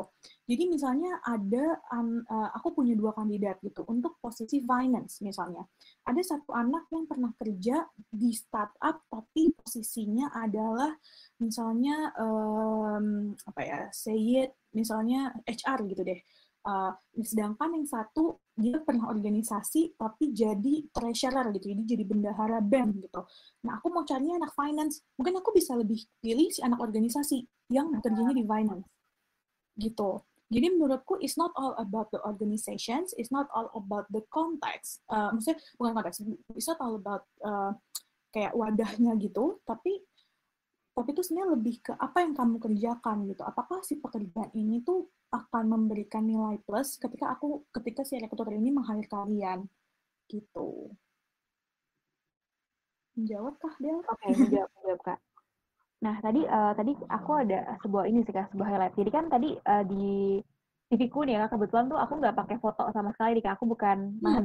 menggunakan foto. Nah, sebenarnya apakah penting menggunakan foto dalam CV nih Kak? Karena ada beberapa pro kontra kan ya Kak. Ya beberapa Betul. tahun lalu ada beberapa pro kontra kayak nggak penting nih pakai foto gini-gini. Nah, sebenarnya menurut kalau Kak gimana tuh kalau pakai foto atau enggak? Betul. Uh, again, aku sih juga sebenarnya salah satu uh, pihak yang cukup netral mau pakai foto atau enggak gitu. Aku ngebebasin aku tuh nggak terlalu sorry tuh saya mungkin ini agak harsh kata-katanya cuma aku nggak terlalu peduli apakah kamu pakai foto atau enggak. Aku akan peduli ketika kamu pakai foto yang ngeganggu gitu gak dia jadi misalnya kamu mau pakai foto silahkan maksudnya gitu mau kamu pakai foto nggak apa-apa. Aku tuh sebenarnya melihatnya lebih ke pengalaman education skills dan achievement gitu tapi kamu pakai foto? Boleh juga gitu. Jadi misalnya kamu pede nih aku kan anaknya cantik gitu. Atau aku anaknya ganteng gitu udah aku pakai foto aja it's okay gitu. Uh, pakailah foto gitu. Tapi ya jangan kayak tiba-tiba fotonya uh, foto kamu lagi kartinian gitu. Kayak kayak pas gitu. Jadi kalau menurutku sih again detail and precise. Precise itu sih yang pas-pas aja kalau menurutku. Kalau misalnya mau pakai foto dan itu menambah PD kamu boleh banget gitu. Tapi kalau misalnya pun enggak enggak apa-apa banget gitu. Uh, sama mungkin uh, balik lagi aku mungkin harus ngomong tergantung si industrinya ya Del. Hmm. misalnya nih ada teman-teman yang memang apply-nya itu sebagai mungkin misalnya jadi uh, else girl apa sih kayak SPG gitu. Sorry itu sih yang maksudnya kayak iya. yang butuh penampilan gitu lah ya kak ya betul betul. Jadi misalnya atau mungkin kamu mau jadi model gitu. Ya pasti kamu akan diminta foto dong gitu. Jadi atau misalnya kamu mau menjadi uh, ya, apa namanya content creator di video gitu. Misalnya sekarang banyak ya media-media uh, yang bentuknya tuh udah udah apa namanya video gitu ya. Maksudnya ya. through YouTube through ya channel kayak gitu gitu video channel gitu. Nah mungkin itu emang butuh tuh foto gitu. Jadi menurutku again sih tergantung pertama seberapa pedenya kamu kamu pedenya pakai apa enggak lalu yang kedua tergantung dari industri yang kamu mau apply gitu kira-kira yang aku apply itu butuh foto atau enggak ya gitu hmm. oke okay, siap Oke Kak Fia, lanjut dulu. Ini tinggal sedikit lagi ya kawan-kawan, sebentar ya. Nanti baru kasih Q&A. Udah banyak yang bertanya ternyata. Oh iya, oke oke. Nah ini udah kok, udah kok. Jadi gini, uh, Oke, okay, overall, uh, aku kemarin abis share juga, ya yeah, ceritanya aku sambil promosi si konten aku, share juga tentang sebenarnya apa sih yang uh, recruiter bilang di setiap application stage. Nah, since ini berkaitan sama CV dan uh, cover letter, jadi aku cuman nge-capture yang berkaitan sama uh, CV dan cover letter ya. Jadi kalau misalkan kamu mau tahu kalau saat offering seperti apa, saat interview seperti apa, itu bisa dicek di uh, Instagram aku, gitu bisa dilihat. Nah, uh, yang pertama adalah teman-teman rekruterku tuh jadi ceritanya aku bikin survei gitu Del ceritanya ke 26 recruiters yang kebetulan teman-teman aku. Menurut mereka uh, kandidat uh, apa sih yang yang jangan dilakukan kandidat di setiap uh, recruitment stage? Dan ketika application stage mereka bilang ada lima hal. Yang pertama adalah send CV without body email ini please please please please please banget make sure ketika kalian kirim email pakai si body email. Misalnya kalian mau enggak uh, uh, sebenarnya tuh gini body email tuh seperti apa sih? Even sebenarnya tuh kamu bisa taruh si cover letter itu sebagai body email kamu gitu. Jadi kamu tuh nggak perlu si cover letter. Bisa bisa jadi kamu copy paste aja si cover letter kamu taruh di body email attach CV and that's it. Itu cukup gitu. Terus lalu yang kedua ini tadi aku bilang jangan sampai salah nyebut nama gitu ya salah, salah nyebut nama company. Karena itu menurut aku disrespect sih ya gitu. Maksudnya kamu mau apply kamu uh, nyebutnya company lain gitu. Lalu yang ketiga adalah uh, tidak perlu untuk uh, kirim dokumen yang terlalu banyak gitu terlalu lebay. Misalnya uh, kamu mau apply tapi sampai kirim KTP ijazah kartu keluarga NPWP dan lain sebagainya. Menurutku nggak nggak perlu gitu. Mungkin emang itu nanti perlu eh, itu diperlukan, tapi mungkin nanti ketika kamu udah di hire itu memang diperlukan gitu. Jadi menurutku uh, si body email yang bisa kamu caplok tuh dari si cover letter plus CV aja gitu. Sama yang keempat ini tadi jangan melakukan kesalahan yang aku lakukan dengan naruh kontak information yang nggak updated. Sama lalu yang kelima Nah, ini juga lumayan penting nih. Uh, jangan sampai, kalau bisa sih kamu jangan sampai nggak punya uh, tujuan kamu tuh mau apply-nya ke posisi apa gitu. Jadi kadang-kadang tuh aku suka nih, suka aku suka agak sedih sih kalau misalkan kayak tulisannya adalah uh, saya ingin apply di, di perusahaan uh, Mbak gitu dengan uh, untuk posisi apa aja gitu. Hmm. Ya, aku paham sih. Mungkin maksudnya kamu tuh mau nunjukin bahwa kamu tuh siap kerja untuk jadi apa aja. Tapi sebenarnya itu malah nunjukin tuh belum tahu gitu kamu tuh mau jadi apa ke depannya kamu tuh belum tujuan uh, karya kamu seperti apa atau mungkin kamu malah belum tahu uh, kamu tuh udah search tentang apa ini atau belum gitu oh, jadi kalau bisa sih kamu kasih tahu aja kamu tuh mau apply ke posisi apa misalnya misalnya kamu belum lihat nih si company ini punya lowongan yang berkaitan sama uh, kamu gitu. Jadi misalnya aku sebagai orang HR gitu, misalnya aku sebagai orang psikologi, aku pengen di dunia HR. Nah, aku tuh belum lihat nih ada vacant positions.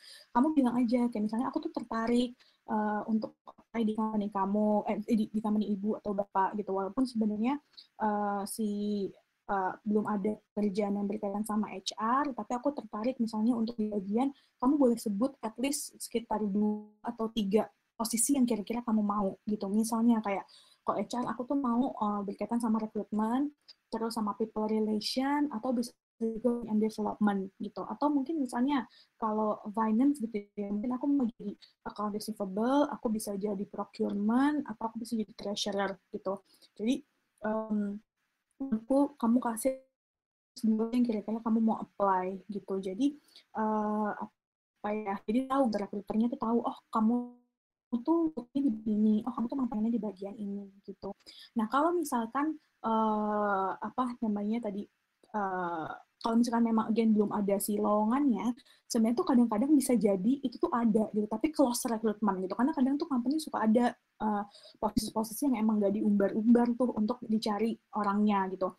Jadi menurutku coba aja sih gitu loh. Menurutku coba aja untuk at least kirim CV uh, cover. Nah, that's why si cover letter itu kan sangat berguna untuk ngasih tahu kenapa nih kamu mau hubungi recruiter itu dengan senang kamu punya gitu. Sama aku ingetin lagi sekali lagi, please please please jangan pernah kirim CV tanpa body email. Sama si subjeknya sih. Subjeknya kamu bisa tulis aja misalnya kayak application letter gitu underscore Alvia Anjani misalnya gitu. Jadi kamu harus pakai si subjek sama body email gitu. Terus ini aku lanjut dulu kali ya, Del ya. Nah, terus ini aku mau ngiklan dulu nih. Iya ya. itu kan tadi yang berkaitan sama si CV sama application ya. Nah, aku tuh sebenarnya akan mau coba share juga, karena kan kalau di sini waktunya lumayan terbatas ya, ini aja kita udah tinggal berapa menit ya, berarti tinggal 25 menit ya untuk Q&A.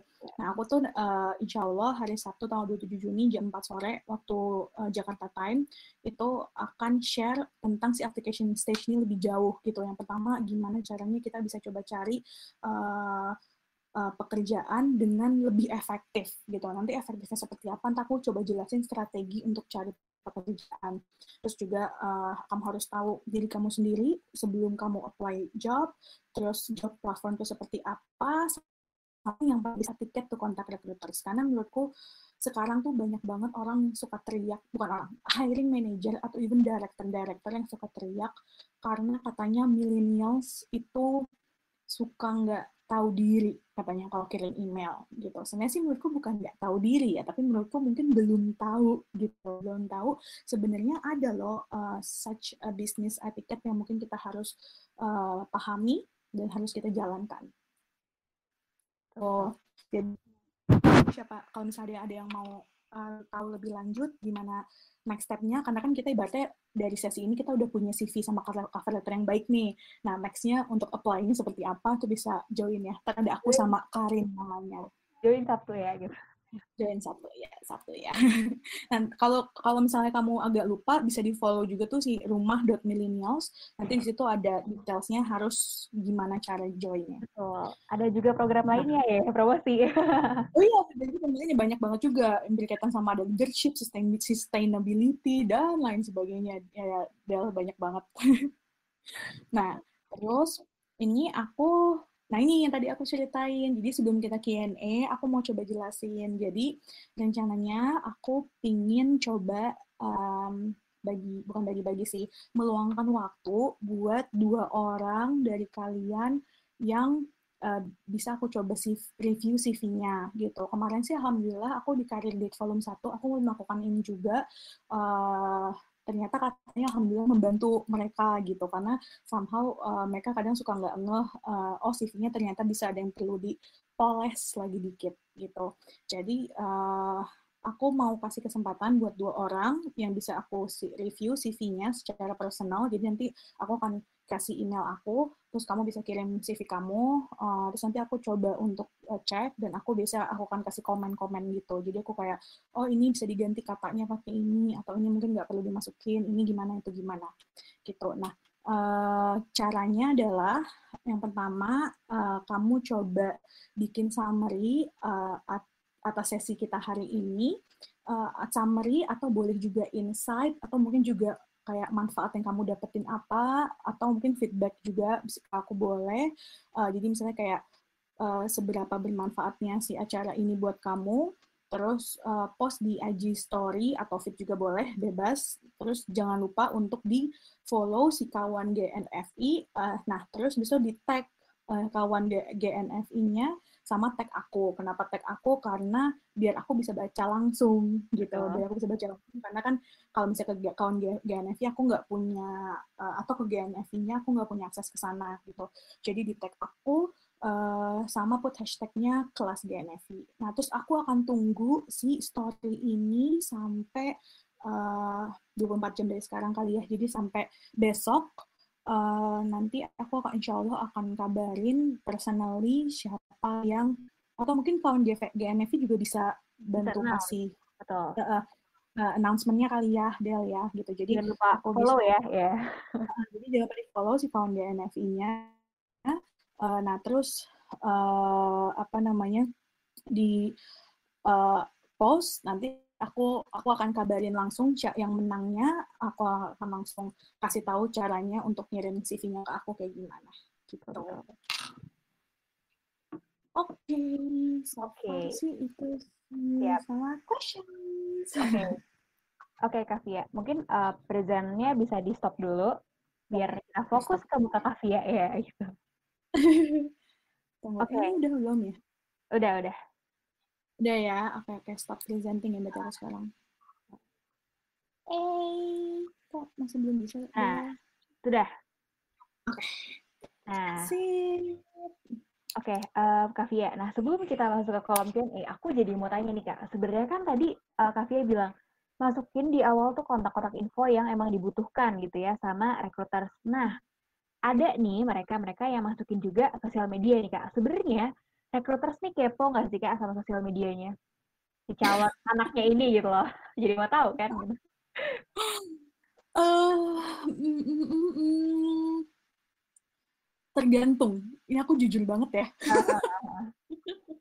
Sejujur-jujurnya aku bisa bilang bahwa tergantung sih Del gitu. Jadi kadang sih ada aja sih yang kepo gitu kayak kadang kalau misalnya wah uh, pengen tahu ah gitu aku lihat ah Instagramnya gitu tapi kadang ada juga enggak sih gitu cuma menurutku the point is uh, is not apa ya menurutku bukan cuma masalah uh, uh, kita akhirnya dikepoin sama rekruter atau enggak sih tapi menurutku adalah ya sebenarnya itu bisa jadi apa ya menurutku itu bisa jadi saringan aja sih Del gitu. Maksudnya walaupun kita mau dikepoin atau enggak sama recruiter ya sebaiknya kalau di sosial media tuh kita bisa behave gak sih gitu. Betul. jadi daripada daripada gitu kan ya mendingan sih jaga-jaga aja gitu. Benar-benar nah uh, tadi kan Kavia bilang juga ya um, mau itu company lagi buka lowongan kayak atau tiba-tiba dia close uh, apa namanya close recruitment gitu ya kak kirim aja sih namanya juga usaha nggak ada yang tahu kan gitu. Betul. Nah ternyata kadang-kadang kayak gini kak. Misalnya one kita ngirim CV ke situ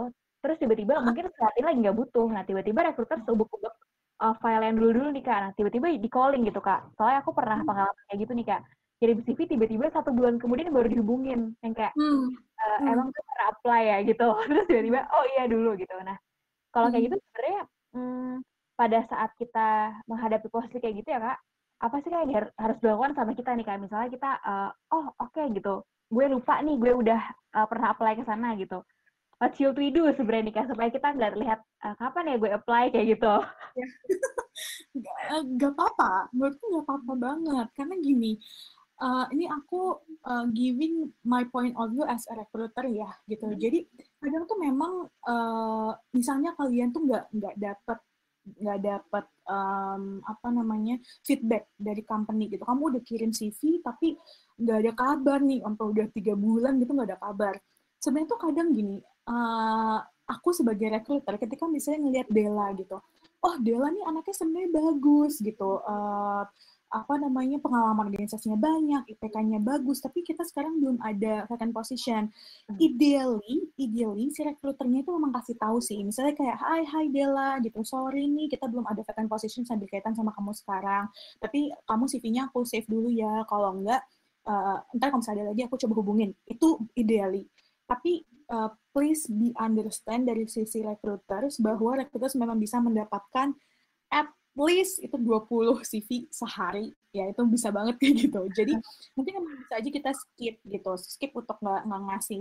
Tapi saya juga sebenarnya ketika aku ngeliat kayak gitu aku tuh jadinya kayak ngekip aja gitu. Kayak emang sih jatuhnya kayak ngegantungin ya kayak uh, jadi kayak ya antara PHP sama ini tuh agak tipis gitu. Tapi menurutku nggak apa-apa sih gitu karena siapa tahu gitu kan ke depannya gitu. Siapa tahu malah ke depannya itu bisa jadi opportunity buat kamu gitu Betul. Jangan lupa pokoknya uh, tetap jaga kontak yang baik gitu ya kak mungkin sama recruiter di company sebelumnya atau ya di mana pun lah ya sama siapa pun gitu Karena betul, kita nggak tahu uh, pintunya tuh akan datang dari mana kayak gitu.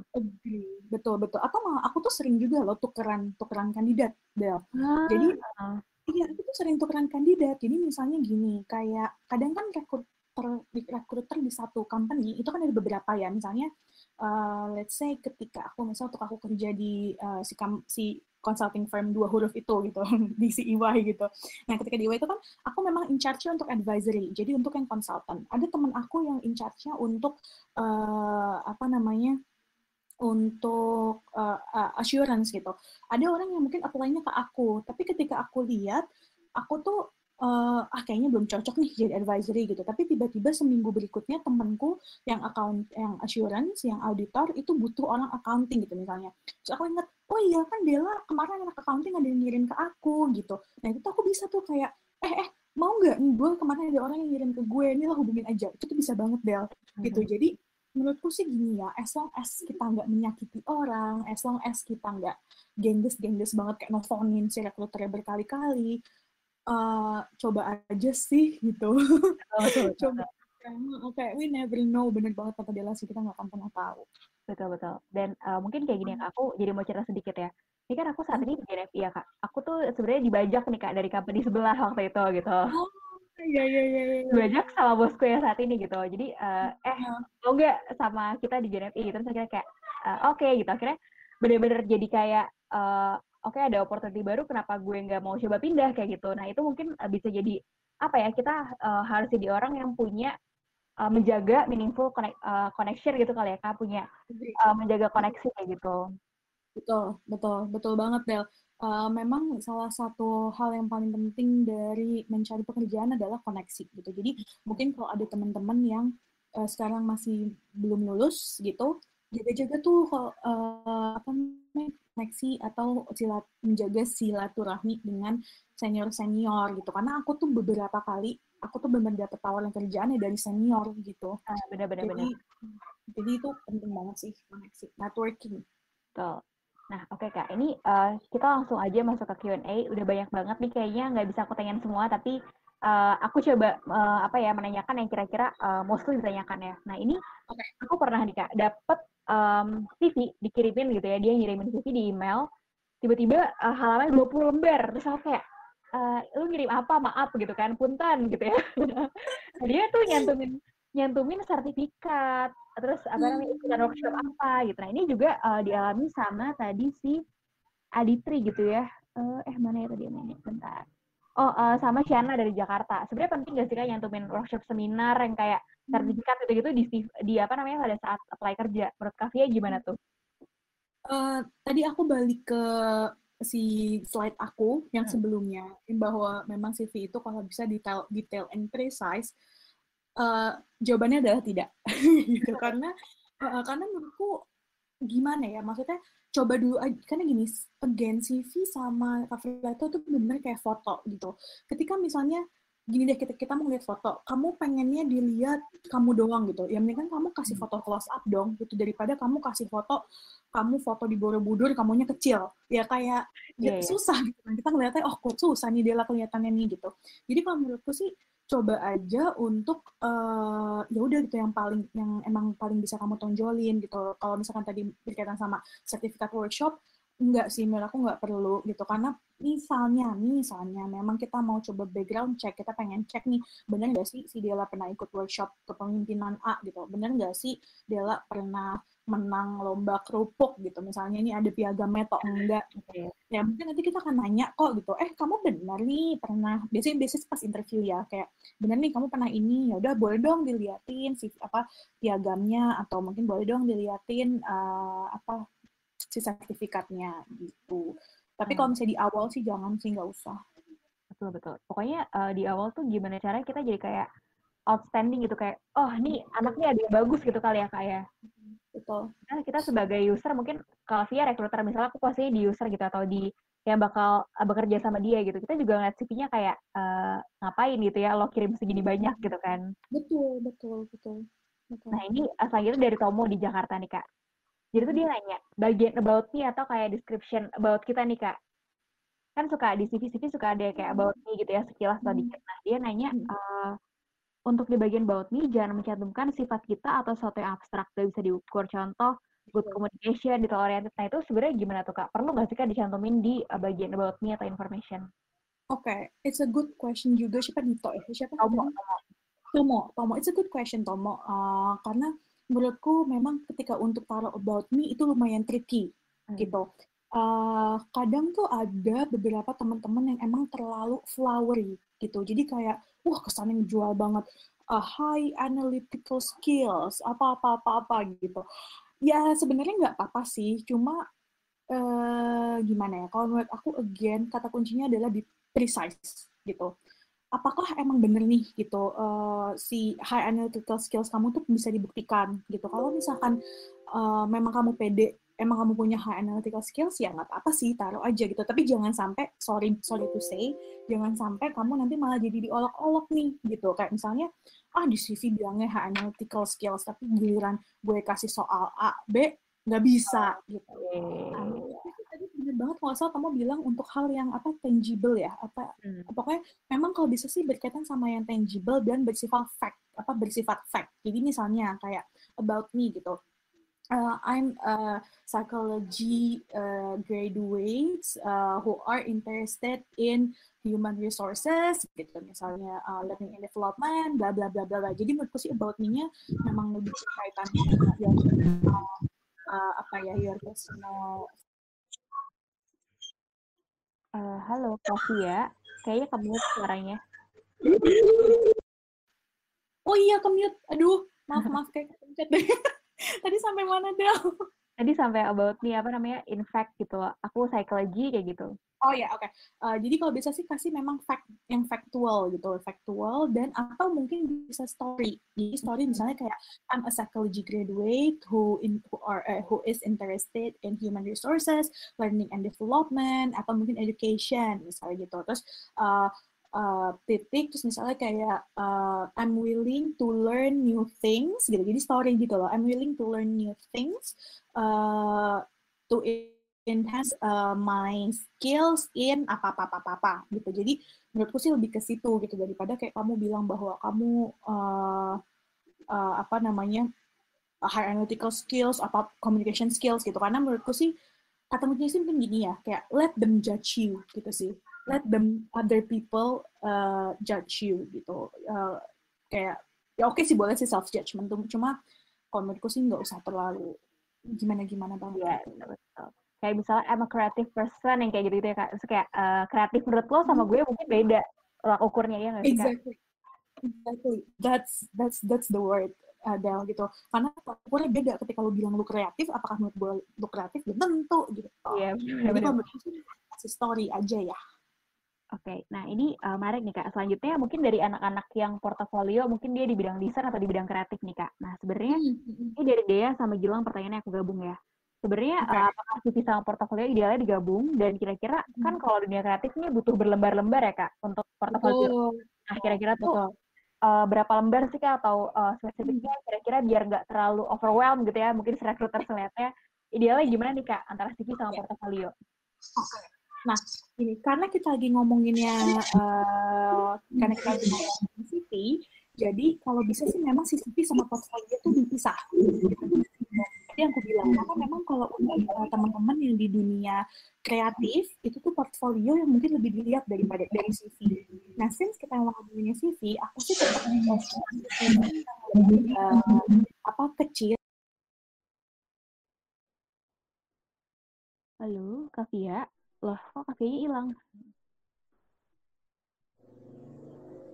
Halo, Kavia. Halo, Kavia. Wah, kafenya hilang.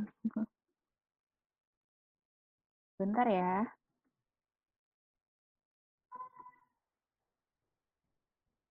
Oke, sebentar ya kawan-kawan. Kenapa tiba-tiba kafenya hilang? Mungkin jaringannya agak terganggu sedikit, Kavia.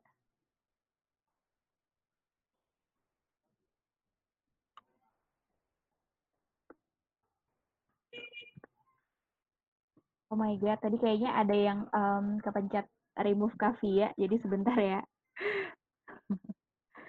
Hai Kavia, welcome back.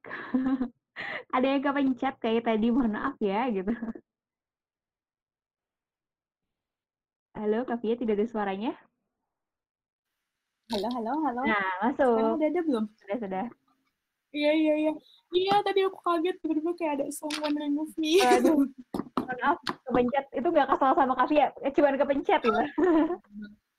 Jangan-jangan tadi yang remove pernah ini Iya. kan pernah interview sama Kavia kayaknya tuh. Wah ini kayaknya orang yang pernah gue Ah, Oh, jadi emailnya aku balas waktu Aduh. jadi aku jadi recruiter. lanjut lanjut. Oke, jadi tadi lanjut sampai si portfolio ya. Mm-mm. Jadi emang karena sekarang kita bahas CV, aku sih tetap strict sama CV yang eh, lembarnya sedikit aja gitu. Jadi 1 sampai 2 lembar untuk CV. Nah, tapi di email itu kamu bisa attach si portfolionya gitu. Jadi emang terpisah aja sih karena we understand kalau portfolio itu pasti emang banyak banget gitu. Jadi eh, nggak apa-apa gitu. Jadi buat tadi Gilang sama siapa ya? Sama dia. Sorry sama siapa? Dia Sama dia. sama dia ya. Ya, Ah. jadi Gilang sama dia. Jadi kalau emang kamu punya portfolio, menurutku sih mendingan dipisah aja gitu. Oke. Dan portfolio menurutku nggak ada batasnya sih, karena itu it can shows you uh, again sih lagi-lagi mungkin coba dilihat aja kali secukupnya mungkin ya secukupnya aja tapi nggak ada batasnya karena aku understand kalau portfolio itu memang uh, banyak gitu ya maksudnya memang inilah gitu nah, perlu dibikin. Tapi mungkin itu kali ya kak kebijakan kita juga sebagai eh, yang apply gitu ya atau calon employee untuk kayak nunjukin yang mana sih yang benar-benar kira-kira paling bisa stand out gitu ya. betul betul banget Bel jadi yang mana yang menurut kalian paling baik untuk ditonjolin sih benar Nah, eh, oke selanjutnya dari Aditri kak di Kediri. Nah, sebenarnya tuh Hmm. eh, dia bilang sebenarnya tuh lebih penting mana sih kak untuk membuat CV atau cover letter yang menarik. Nah ini oke nih kak. Gimana gimana pertanyaannya sorry Dia lebih penting mana bikin CV yang menarik atau cover letter yang menarik kayak gitu. Oh, I see, I see. Um, CV. Jawab aku sih menurutku jawabannya CV. Kenapa? Betul, Aku juga. Uh-uh, karena CV itu lebih ke gimana ya? Maksudnya CV itu bener-bener nunjukin apa yang kamu dapatin, yang udah sebenarnya kamu dapatkan gitu. Sedangkan kalau uh, cover letter mungkin itu lebih ke apa ya? tujuan, keinginan. gitu. Jadi ibaratnya kalau cover letter tuh sebagai kayak misi-misi numpang lewat saya mau ngasih CV gitu. Jadi sebenarnya tuh intinya adalah si CV gitu. Jadi kalau menurutku sih uh, uh, kalau bisa difokus ke CV sih. Oke. Em, bentar ya kak. Ini kan tadi ada yang Kak Fia bilang di cover letter tuh eh, yang penting-penting aja atau kayak satu halaman aja gitu. Nah, terus merujuk pada tujuh poin yang tadi Kak Fia jelasin di cover letter gitu ya. Ada eh, rekrutmen gitu misalnya di- kayak di job applications dia itu cuma bisa attach satu lembar aja nih kak gitu. Hmm, Sebenarnya tuh eh, kalau kayak gitu tuh eh, kira-kira mana lagi sih kak yang lebih penting lagi untuk disari lagi untuk lebih di apa ya untuk lebih diperes lagi gitu apa aja yang kira-kira paling oke nih gitu cover letter maksudnya ketika si misalnya di web port, misalnya di job portal gitu ya, cuma Ah. bisa attach satu halaman gitu misalnya. betul Oh oke, aku tetap jawabannya adalah CV. Terus inti atau isi dari cover letter itu bisa kamu masukin di about me itu gitu. Jadi misalnya Hmm. about me-nya adalah ya udah kamu adalah psychology student yang memang mau uh, uh, explore dunia learning and development, HR, recruitment dan lain sebagainya. Itu juga sebenarnya udah cukup menjelaskan sih gitu. Jadi mungkin kalau misalnya masih agak bingung lebih penting cover letter atau CV yang lebih penting uh, itu sih menurutku uh, apa ya perumpamaannya adalah cover le- CV itu adalah foto kamu, si cover letter merupakan si amplopnya kali ya, amplop yang Ah. untuk dimasukin CV kamu untuk dikirim gitu. Jadi cover ibaratnya cover letter tuh emang surat sih gitu. Jadi surat ibaratnya surat pengantar lah gitu, surat pengantar. oke oke nah ini em, apa namanya tadi mungkin kayak tadi udah disinggung di sebelumnya ya kak kita harus lebih wise gitu ya memilih pada saat di ada di persimpangan wah cuma satu lembar nih mana yang harus gue dulukan gitu nah mungkin kalau misalnya aku jadi kamu aku juga puasin diri sebagai recruiters kira-kira recruiters bakal lihat yang mana duluan gitu kali ya Betul. Nah terus ini nih kak ini menarik banget nih kak. Dari Wendy di Bangka Belitung. Kak kasih co- contoh dong eh, skill di bagian CV itu yang baik kayak gimana sih kak ditulisnya? Skill di bagian CV. Mm-mm, yang baik ditulisnya kayak gimana sih kak? Oh, kalau menurutku skills di bagian CV, misalnya boleh kamu bilang um, public, uh, apa ya, mungkin lebih hal-hal yang bisa kamu tunjukkan dari pengalaman kamu sih, kalau hmm. menurutku.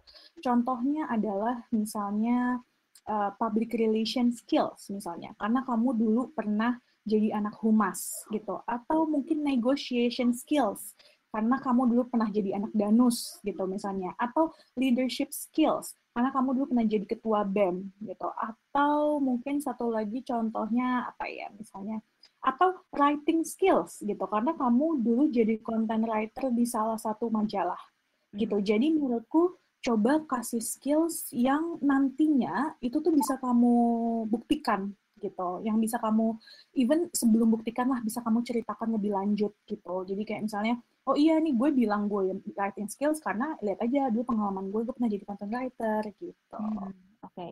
Nah ini uh, pertanyaan pertanyaan terakhir dari kolom Q&A. Sebelumnya sorry banget kalau uh, tidak bisa ditanyakan semua gitu karena udah agak mepet maaf ya kak lewat sedikit.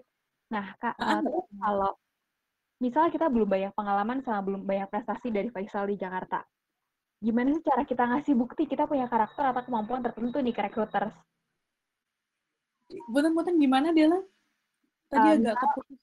Kalau kita belum punya banyak pengalaman dan belum uh, belum punya banyak prestasi, tapi kita tuh sebenarnya tuh mau nunjukin kita tuh punya karakter atau keterampilan tertentu. Gimana tuh uh, kak caranya? Um, nah sebenarnya itu agak susah sih ya gitu, karena kan ini aku bluntly speaking aja ya. Uh, uh, karena kan ketika memang kita ngomongin tentang pembuktian itu kan akan lebih baik ketika memang sudah terjadi gitu. Hmm kalau misalkan memang kamu tuh punya keterampilan, ya memang somehow jadinya kamu bisanya ibaratnya kasih janji dulu gitu. Kalau misalnya belum ada belum ada pengalamannya gitu. Tapi ya menurutku why not gitu. Tapi gini sih, nggak tahu sih ya, somehow Uh, masa sih kalian udah lulus S1 nggak ada satupun yang bisa dijual gitu dijual ya maksudnya nggak mungkin sih gitu karena menurutku pertama bisa juga kayak misalnya kamu uh, pernah kerja kelompok untuk ngadep uh, untuk ngerjain suatu uh, project atau mungkin suatu tugas kelompok yang sangat berat gitu. Itu menurutku suatu dan loh gitu. Berarti itu kamu at least udah bisa menunjukkan bahwa kamu tuh menunjukkan teamwork gitu. Atau mungkin uh, melakukan skripsi yang uh, atau tugas yang interview gitu interview orang gitu misalnya. Itu juga sebenarnya suatu skills atau suatu keterampilan yang bisa kamu jual gitu. Jadi menurutku sih pinter kita harus pinter untuk bisa ngelihat hal yang bagus dari sisi kita dulu gitu. Ada gitu jadi uh, pasti deh pasti ada yang bisa dijual gitu. benar-benar. Jadi uh, mungkin maksudnya Kak Via lebih ke unique selling point dari kita gitu kali ya kak ya? Betul. Betul. Nah jadi uh, apa namanya kak ini karena waktunya udah sedikit lewat itu tadi uh, sesi kita hari ini, yay tepukan online.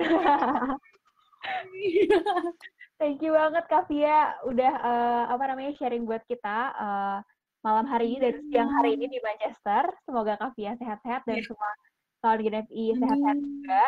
Uh, Kak mau dong kasih, kasih closing statement untuk kawan-kawan. Oke, okay. um, mungkin yang aku bisa kasih uh, aku bisa emphasize lagi uh, ketika memang kita mau melamar pekerjaan yang pertama jangan pernah uh, apa ya jangan pernah menyerah gitu karena we never know opportunity datang dari mana gitu.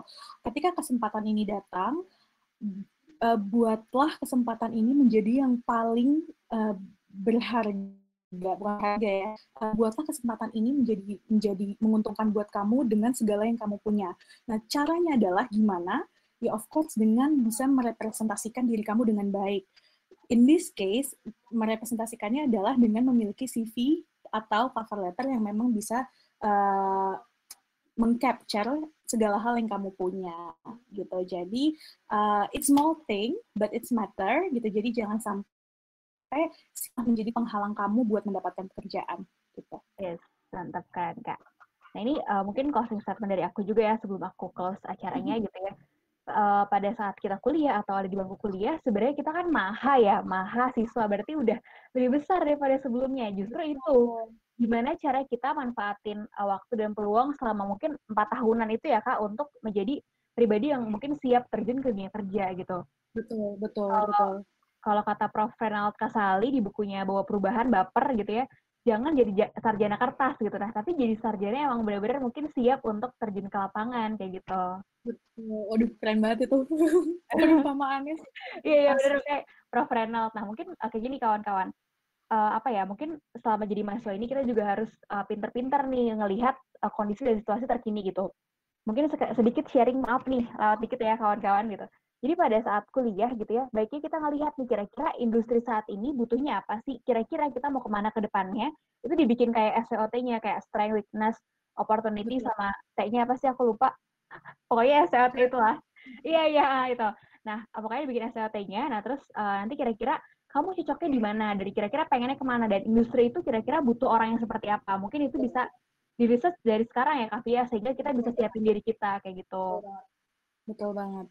Nah, mungkin aku mau ini dikit kali ya, Adel. Mungkin siapa tahu nanti di audio sebut itu insya Allah akan aku cover di hari Sabtu nanti gitu. Jadi uh, ya. yeah. jangan lupa, misalnya siapa tahu aku tidak memaksa sih, maksudnya aku mau di, di itu uh, di hari Sabtu itu memang gimana um, kira-kira apa yang bisa kita lakukan untuk memperluas kesempatan kita untuk mendapatkan pekerjaan gitu. Ya, jadi kalau mau join jadi Karir Date hari Sabtu volume 3. Uh, info sel selengkapnya dan selanjutnya ada di Instagram @rumah.millennials ya. Jangan lupa di-follow ya promosi. Oke, okay, uh, kawan-kawan, terima kasih banyak sudah uh, menyaksikan kelas GNFI. Uh, jangan lupa saksikan kelas GNFI selanjutnya setiap hari Kamis dan ada juga setiap Rabu Good Talk live on social media di Instagram GNFI. Nah, uh, terima kasih banyak yang sudah menyaksikan kelas malam ini. Tadi ada 150-an kak yang join kak. Wow, banyak. Oh iya, aku juga mau ingetin jangan lupa ikutan si giveaway-nya ya. Siapa tahu oh, iya, bisa membantu secara personal ya. Jadi kan kalau misalnya ini kan cuma bisa tanya jawab nih. Hmm. Jadi siapa tahu bisa aku membantu lebih jauh gitu. Jadi jangan lupa ikutan giveaway-nya. Ntar aku akan coba bacain satu-satu. Betul, betul. Nah, uh, terima kasih banyak semuanya. Mohon maaf kalau ada salah kata, salah perbuatan, dan kurang-kurangnya Kak Fia ya. Ya, sama terima kasih banget semuanya. Terima kasih. Mohon maaf, benar aku ulangin lagi kali ya.